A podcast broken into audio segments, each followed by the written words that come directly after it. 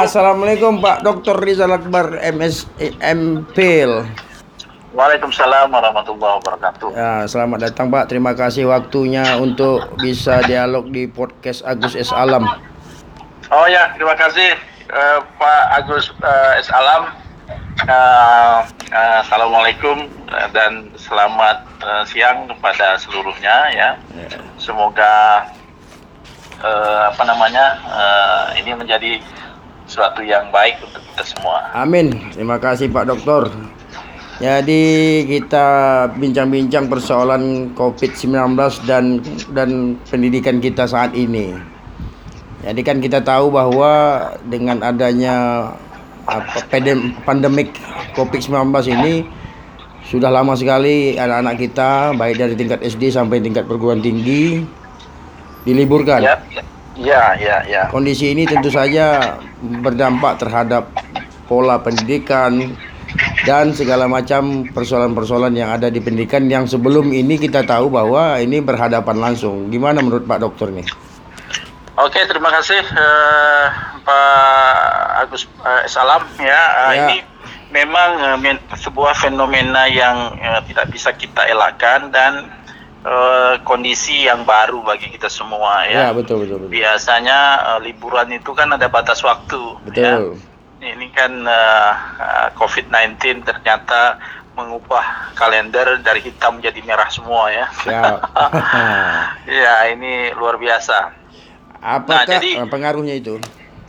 Jadi eh, dari sisi pendidikan sebenarnya sangat berpengaruh ya. Jadi artinya eh, memang eh, formalitas pendidikan tidak berjalan secara baik ya. Nah baik pada pendidikan dasar, eh, menengah dan eh, pendidikan tinggi ya. Ya. Nah namun namun pada satu sisi, halo. Ya ya terus. Uh, namun pada satu sisi sebenarnya ada juga sisi yang eh, yang perlu kita eh, ketengahkan kepada publik bahwa di saat memang banyak segala macam kegalauan dan sebagainya ini Ya.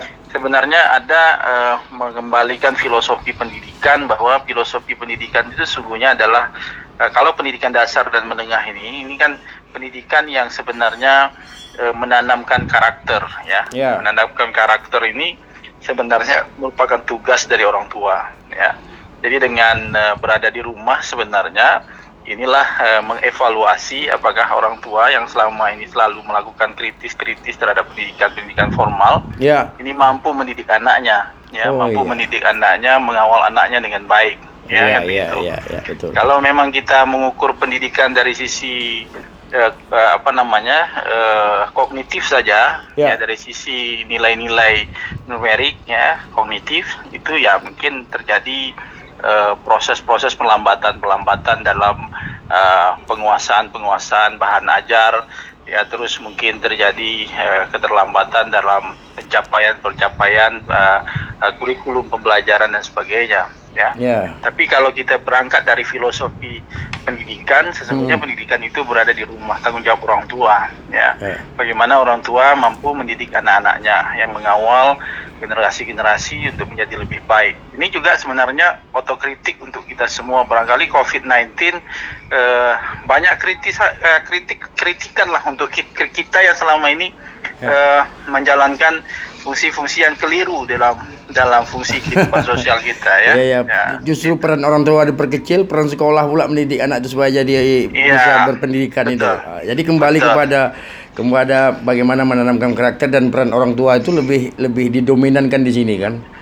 Ya, Nah, ya. Jadi inilah kita, sebetulnya konsep ideal yang seharusnya muncul selama ini tak pernah dipahami kah begitu? Ya, betul. Ya. Nah, yang kedua juga menguji, ya, menguji eh, sejauh mana kita generasi-generasi yang hari ini katanya 4.0 ini Ya. mengadjust, mengadjust eh, penggunaan teknologi dalam pembelajaran, ya. Oh. Jadi artinya eh, eh, sebenarnya tidak ada yang terhenti ya karena begitu banyak media ada media seperti Facebook ada uh, WhatsApp ada Ya. ada classroom ya ada ada apa namanya ada lagi misalnya seperti ya seperti Zoom dan sebagainya untuk Ya.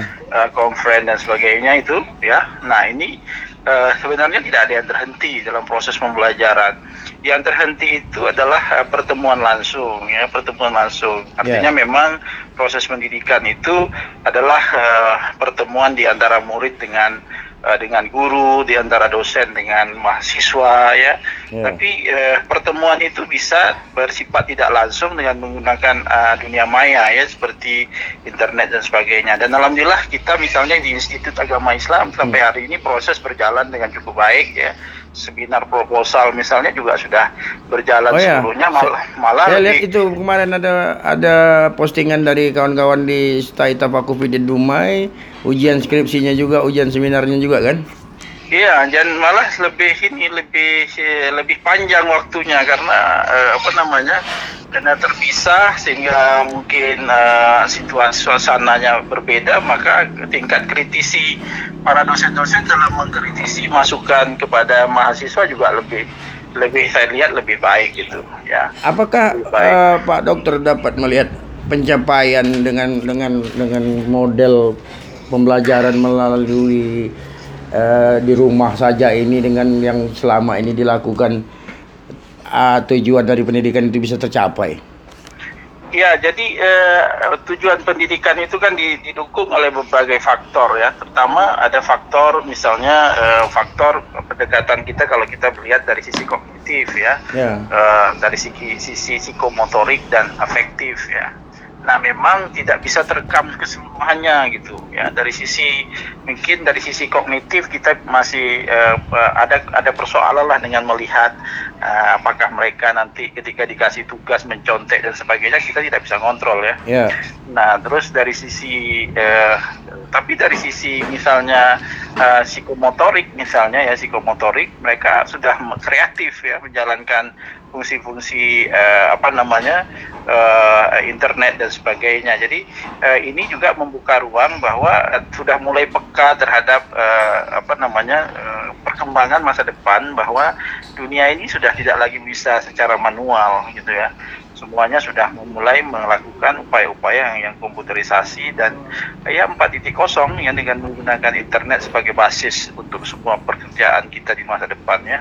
Baik, oh, jadi, Pak Dokter. Uh, jadi uh, bagaimana melihat persoalan 40 ini sebagai wadah bisa menyelesaikan persoalan-persoalannya bukan hanya nanti kalau persoalannya hanya ada corona, tapi kalau tidak ada corona, pola-pola ini apa bisa diperlanjutkan lagi atau enggak?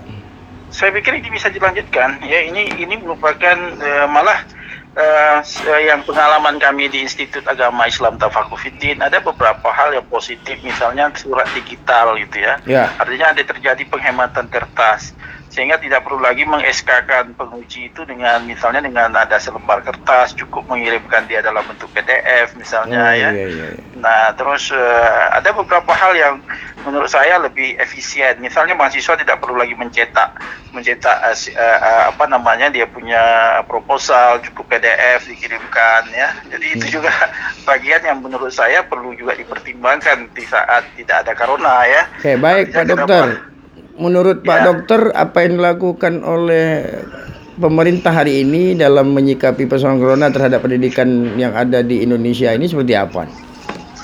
Uh, untuk persoalan uh, di rumah saja ya tegar tagar di rumah saja itu dan termasuk dunia pendidikan semuanya harus mengacu kepada itu. Saya pikir itu uh, langkah yang tepat untuk me memutuskan mata rantai uh, COVID-19 ini ya. Jadi artinya tidak ada cara lain karena kalau uh, proses formalitas pendidikan di sekolah-sekolah tidak diliburkan ini menjadi masalah ya. Kita tidak tahu uh, para pelajar-pelajar ini sebelumnya berhubungan dengan siapa dan mereka ya. datang ke sekolah dan sebagainya itu ya. ya. Kemudian Jadi, gini Pak Dokter, ini kan kita banyak juga mendata ada beberapa orang tua yang ragu dengan anak mereka tak sekolah kemudian proses belajar mengajar. Yang selama ini mereka sendiri sebagai orang tua tidak mengerti dengan apa yang kita bicarakan tadi. Padahal ini ada nilai-nilai positif yang barunya kan. Ya kira-kira menurut Pak Dokter bagaimana caranya bisa memberikan pemahaman kepada orang-orang tua supaya pola ini tetap terjaga pendidikan tetap jalan? Ini masih banyak orang tua yang bingung, yang tidak tahu seperti apa yang dikasih ini segala macam. Seperti ya. apalah Pak Dokter melihatnya itu? Iya baik. Uh, sebenarnya memang uh, uh, proses pendidikan kita ini kan belum tersosialisasi dengan baik ya. Artinya uh, uh, fungsi pendidikan itu kita terlupa bahwa uh, bahwa harus ada penjelasan kepada uh, masyarakat bahwa pendidikan itu apa, sistem pendidikan itu apa, sehingga mereka sadar bahwa uh, bukan berarti tanggung jawab uh, pendidikan itu ada di sekolah ya. Hmm, tanggung jawab iya, pendidikan yeah, yeah. itu kan ada di rumah. Iya. Sebenarnya yeah. berawal dari di rumah, sekolah hanya menambah itu ya. Maka ketika kita melihat keberhasilan pendidikan itu keberhasilan itu dilihat dari dua faktor. Uh, ex, uh, internal sekolah dan eksternal sekolah dan eksternal sekolah yang paling berpengaruh itu adalah lingkungan dan rumah ya rumah tangga orang tua uh, ibu, ibu dan ayah dan sebagainya itu Oke, Pak nah, Dokter, ini. Kita melihat bahwa kalau institusi pendidikan dan pemerintahnya mungkin telah melakukan beberapa upaya yang dinilai mencegah COVID ini, kemudian melaksanakan pola pendidikan estek di rumah saja ini, memang dari sisi pemerintah eh, sekolahnya mungkin siap, tapi dari segi masyarakatnya kira-kira eh, Pak Dokter menyarankan seperti apa ini supaya orang tua-tua di rumah ini bisa lebih paham. Kadang-kadang kan yang tinggal di rumah ini tidak paham sekali dengan dengan teknologi 4.0-nya juga kan? Ya, jadi perlu uh, saya pikir perlu upaya sosialisasi ke tengah masyarakat kita ya, menyadarkan kepada uh, orang-orang tua bagaimana fungsi pendidikan hari ini, terus bagaimana perkembangan-perkembangan pendidikan yang tidak lagi seperti masa lalu ya pada hmm. tahun-tahun 70-an dulu, pada tahun-tahun 80-an dulu bahwa pendidikan hari ini berbasis kepada uh, 4.0. 4.0 itu kan paling tidak basisnya ada pada uh, penggunaan uh, media-media teknologi uh, seperti media-media sosial, teknologi dan sebagainya. Maka saya sangat setuju itu ketika uh, misalnya uh, Nadim misalnya mengatakan Nadim Makarim yeah. di pendidikan kita mengatakan bahwa bukan hanya bahasa bahasa Indonesia, bahasa Inggris yang diperlukan, juga bahasa pemrograman ya, bahasa coding. Nah, jadi uh, sebenarnya yang paling terpenting itu kan bagi seorang siswa itu matematika, bahasa. Nah, bahasa itu ada ada ada ada tiga bahasa. Pertama bahasa simbol ya matematika, hmm. bahasa bahasa verbal ya bahasa Inggris, bahasa Indonesia, hmm. dan bahasa yang paling penting hari ini itu yang harus kita kuasai karena hampir semua sektor kehidupan sudah menggunakan itu ya bahasa coding, ya, betul. bahasa pemrograman ya. ya. Jadi kalau kita ingin maju, kalau kita ingin berkembang ya kita harus masuk kepada ranah itu. Nah persoalannya adalah hari ini eh, orang tua, orang-orang tua kita kan masih tertinggal dengan persoalan perkembangan itu. Ya Jadi, betul. Ya perkembangan itu uh, tertinggal. Nah dengan adanya COVID-19 ini ya hmm. saya melihat bahwa mau tidak mau eh, paling tidak aplikasi lah dulu ya bahwa yeah. kita anak-anak kita sudah sudah melek eh, teknologi informasi yeah. mereka sudah mulai menggunakan eh, media-media seperti Classroom ya yeah. mereka sudah menggunakan Google Form dan ya. sebagainya. Yeah. Nah, akhirnya kan akan membuka kesadaran mereka untuk berpikir loh, kok bisa bisa sistem seperti ini? Bagaimana cara membuatnya gitu yeah, ya. Yeah, yeah, nah, yeah. bagaimana mengkodingnya? Nah, apa itu coding? Apa itu bahasa pemrograman? Apa itu misalnya PHP? Eh, apa itu MySQL? Yeah. Apa itu ya semua sistem itulah ya yang penting itu untuk dipahami dan dan itu sebaiknya memang mulainya dari dari dari tingkat dasar dan menengah sudah diperkenalkan. Jadi, Jadi gini Pak Dokter, sepakat enggak kalau kita katakan bahwa mungkin dengan COVID-19 ini akan terjadi perubahan-perubahan besar terhadap dunia pendidikan di Indonesia ini? Iya, saya pikir demikian ya. Jadi artinya akan ada uh, pertama memang kita berhadapan dengan masalah besar ya.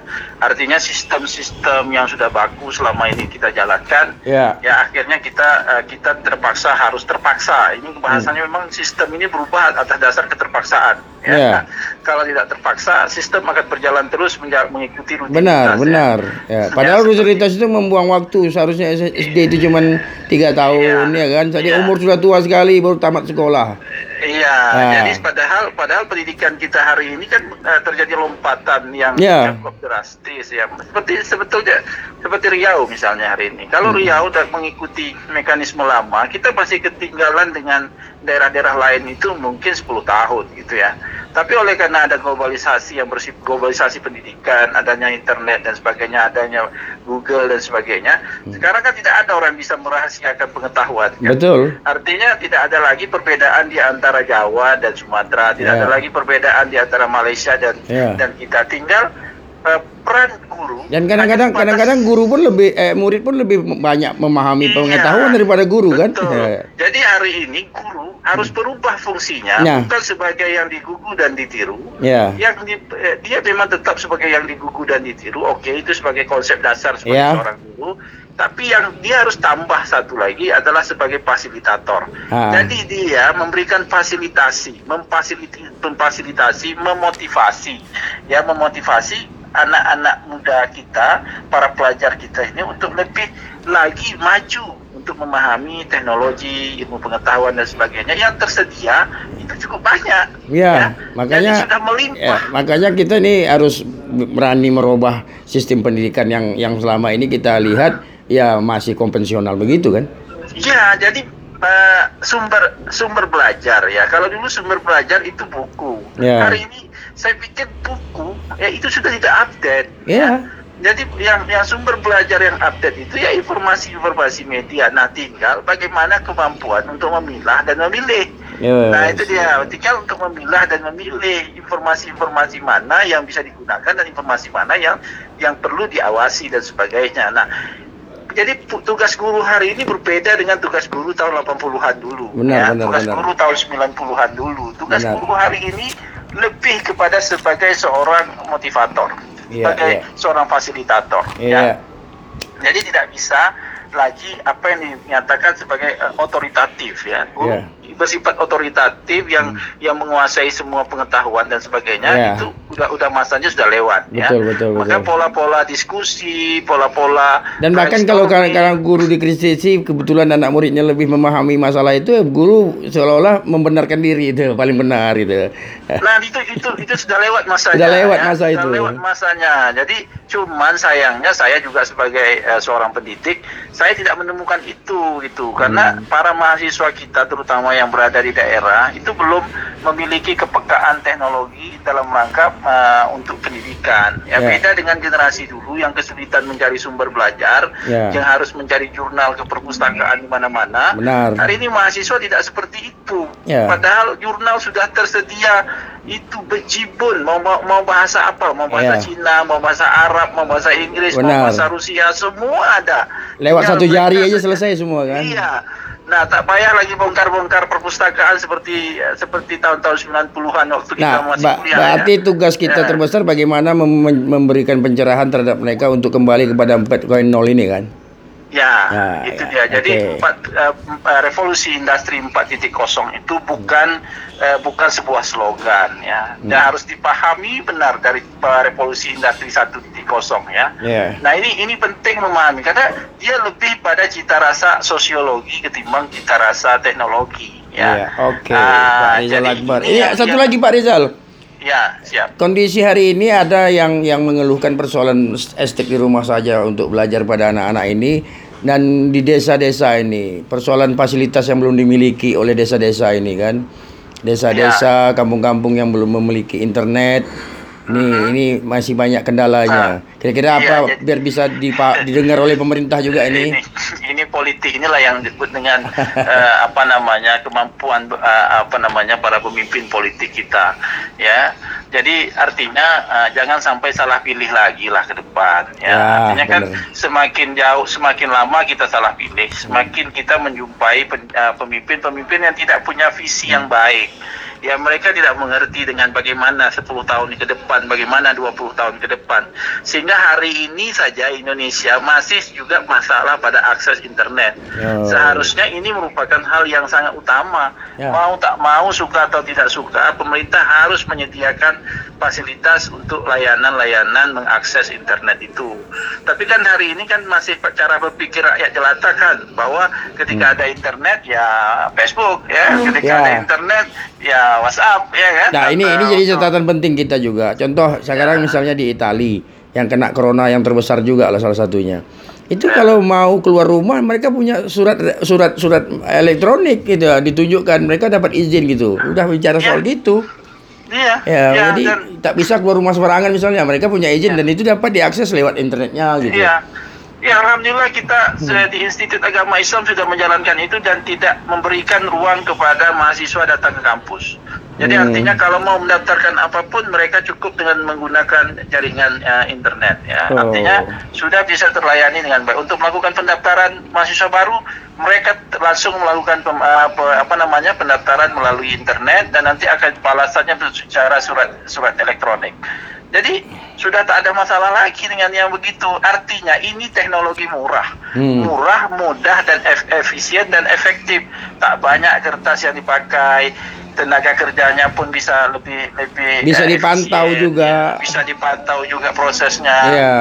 Ya itu. Baik Pak Dokter satu kata untuk closing statement uh, podcast kita hari ini.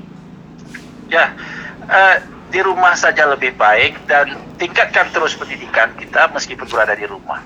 Terima kasih Pak Dr. Riza Akbar atas podcast kita hari ini. Semoga memberikan pencerahan terhadap pendidikan yang ada di Indonesia, Riau dan Dumai khususnya. Salam untuk keluarga dan mahasiswa Institut Agama Islam Tapakufiddin. Assalamualaikum. Waalaikumsalam warahmatullahi wabarakatuh.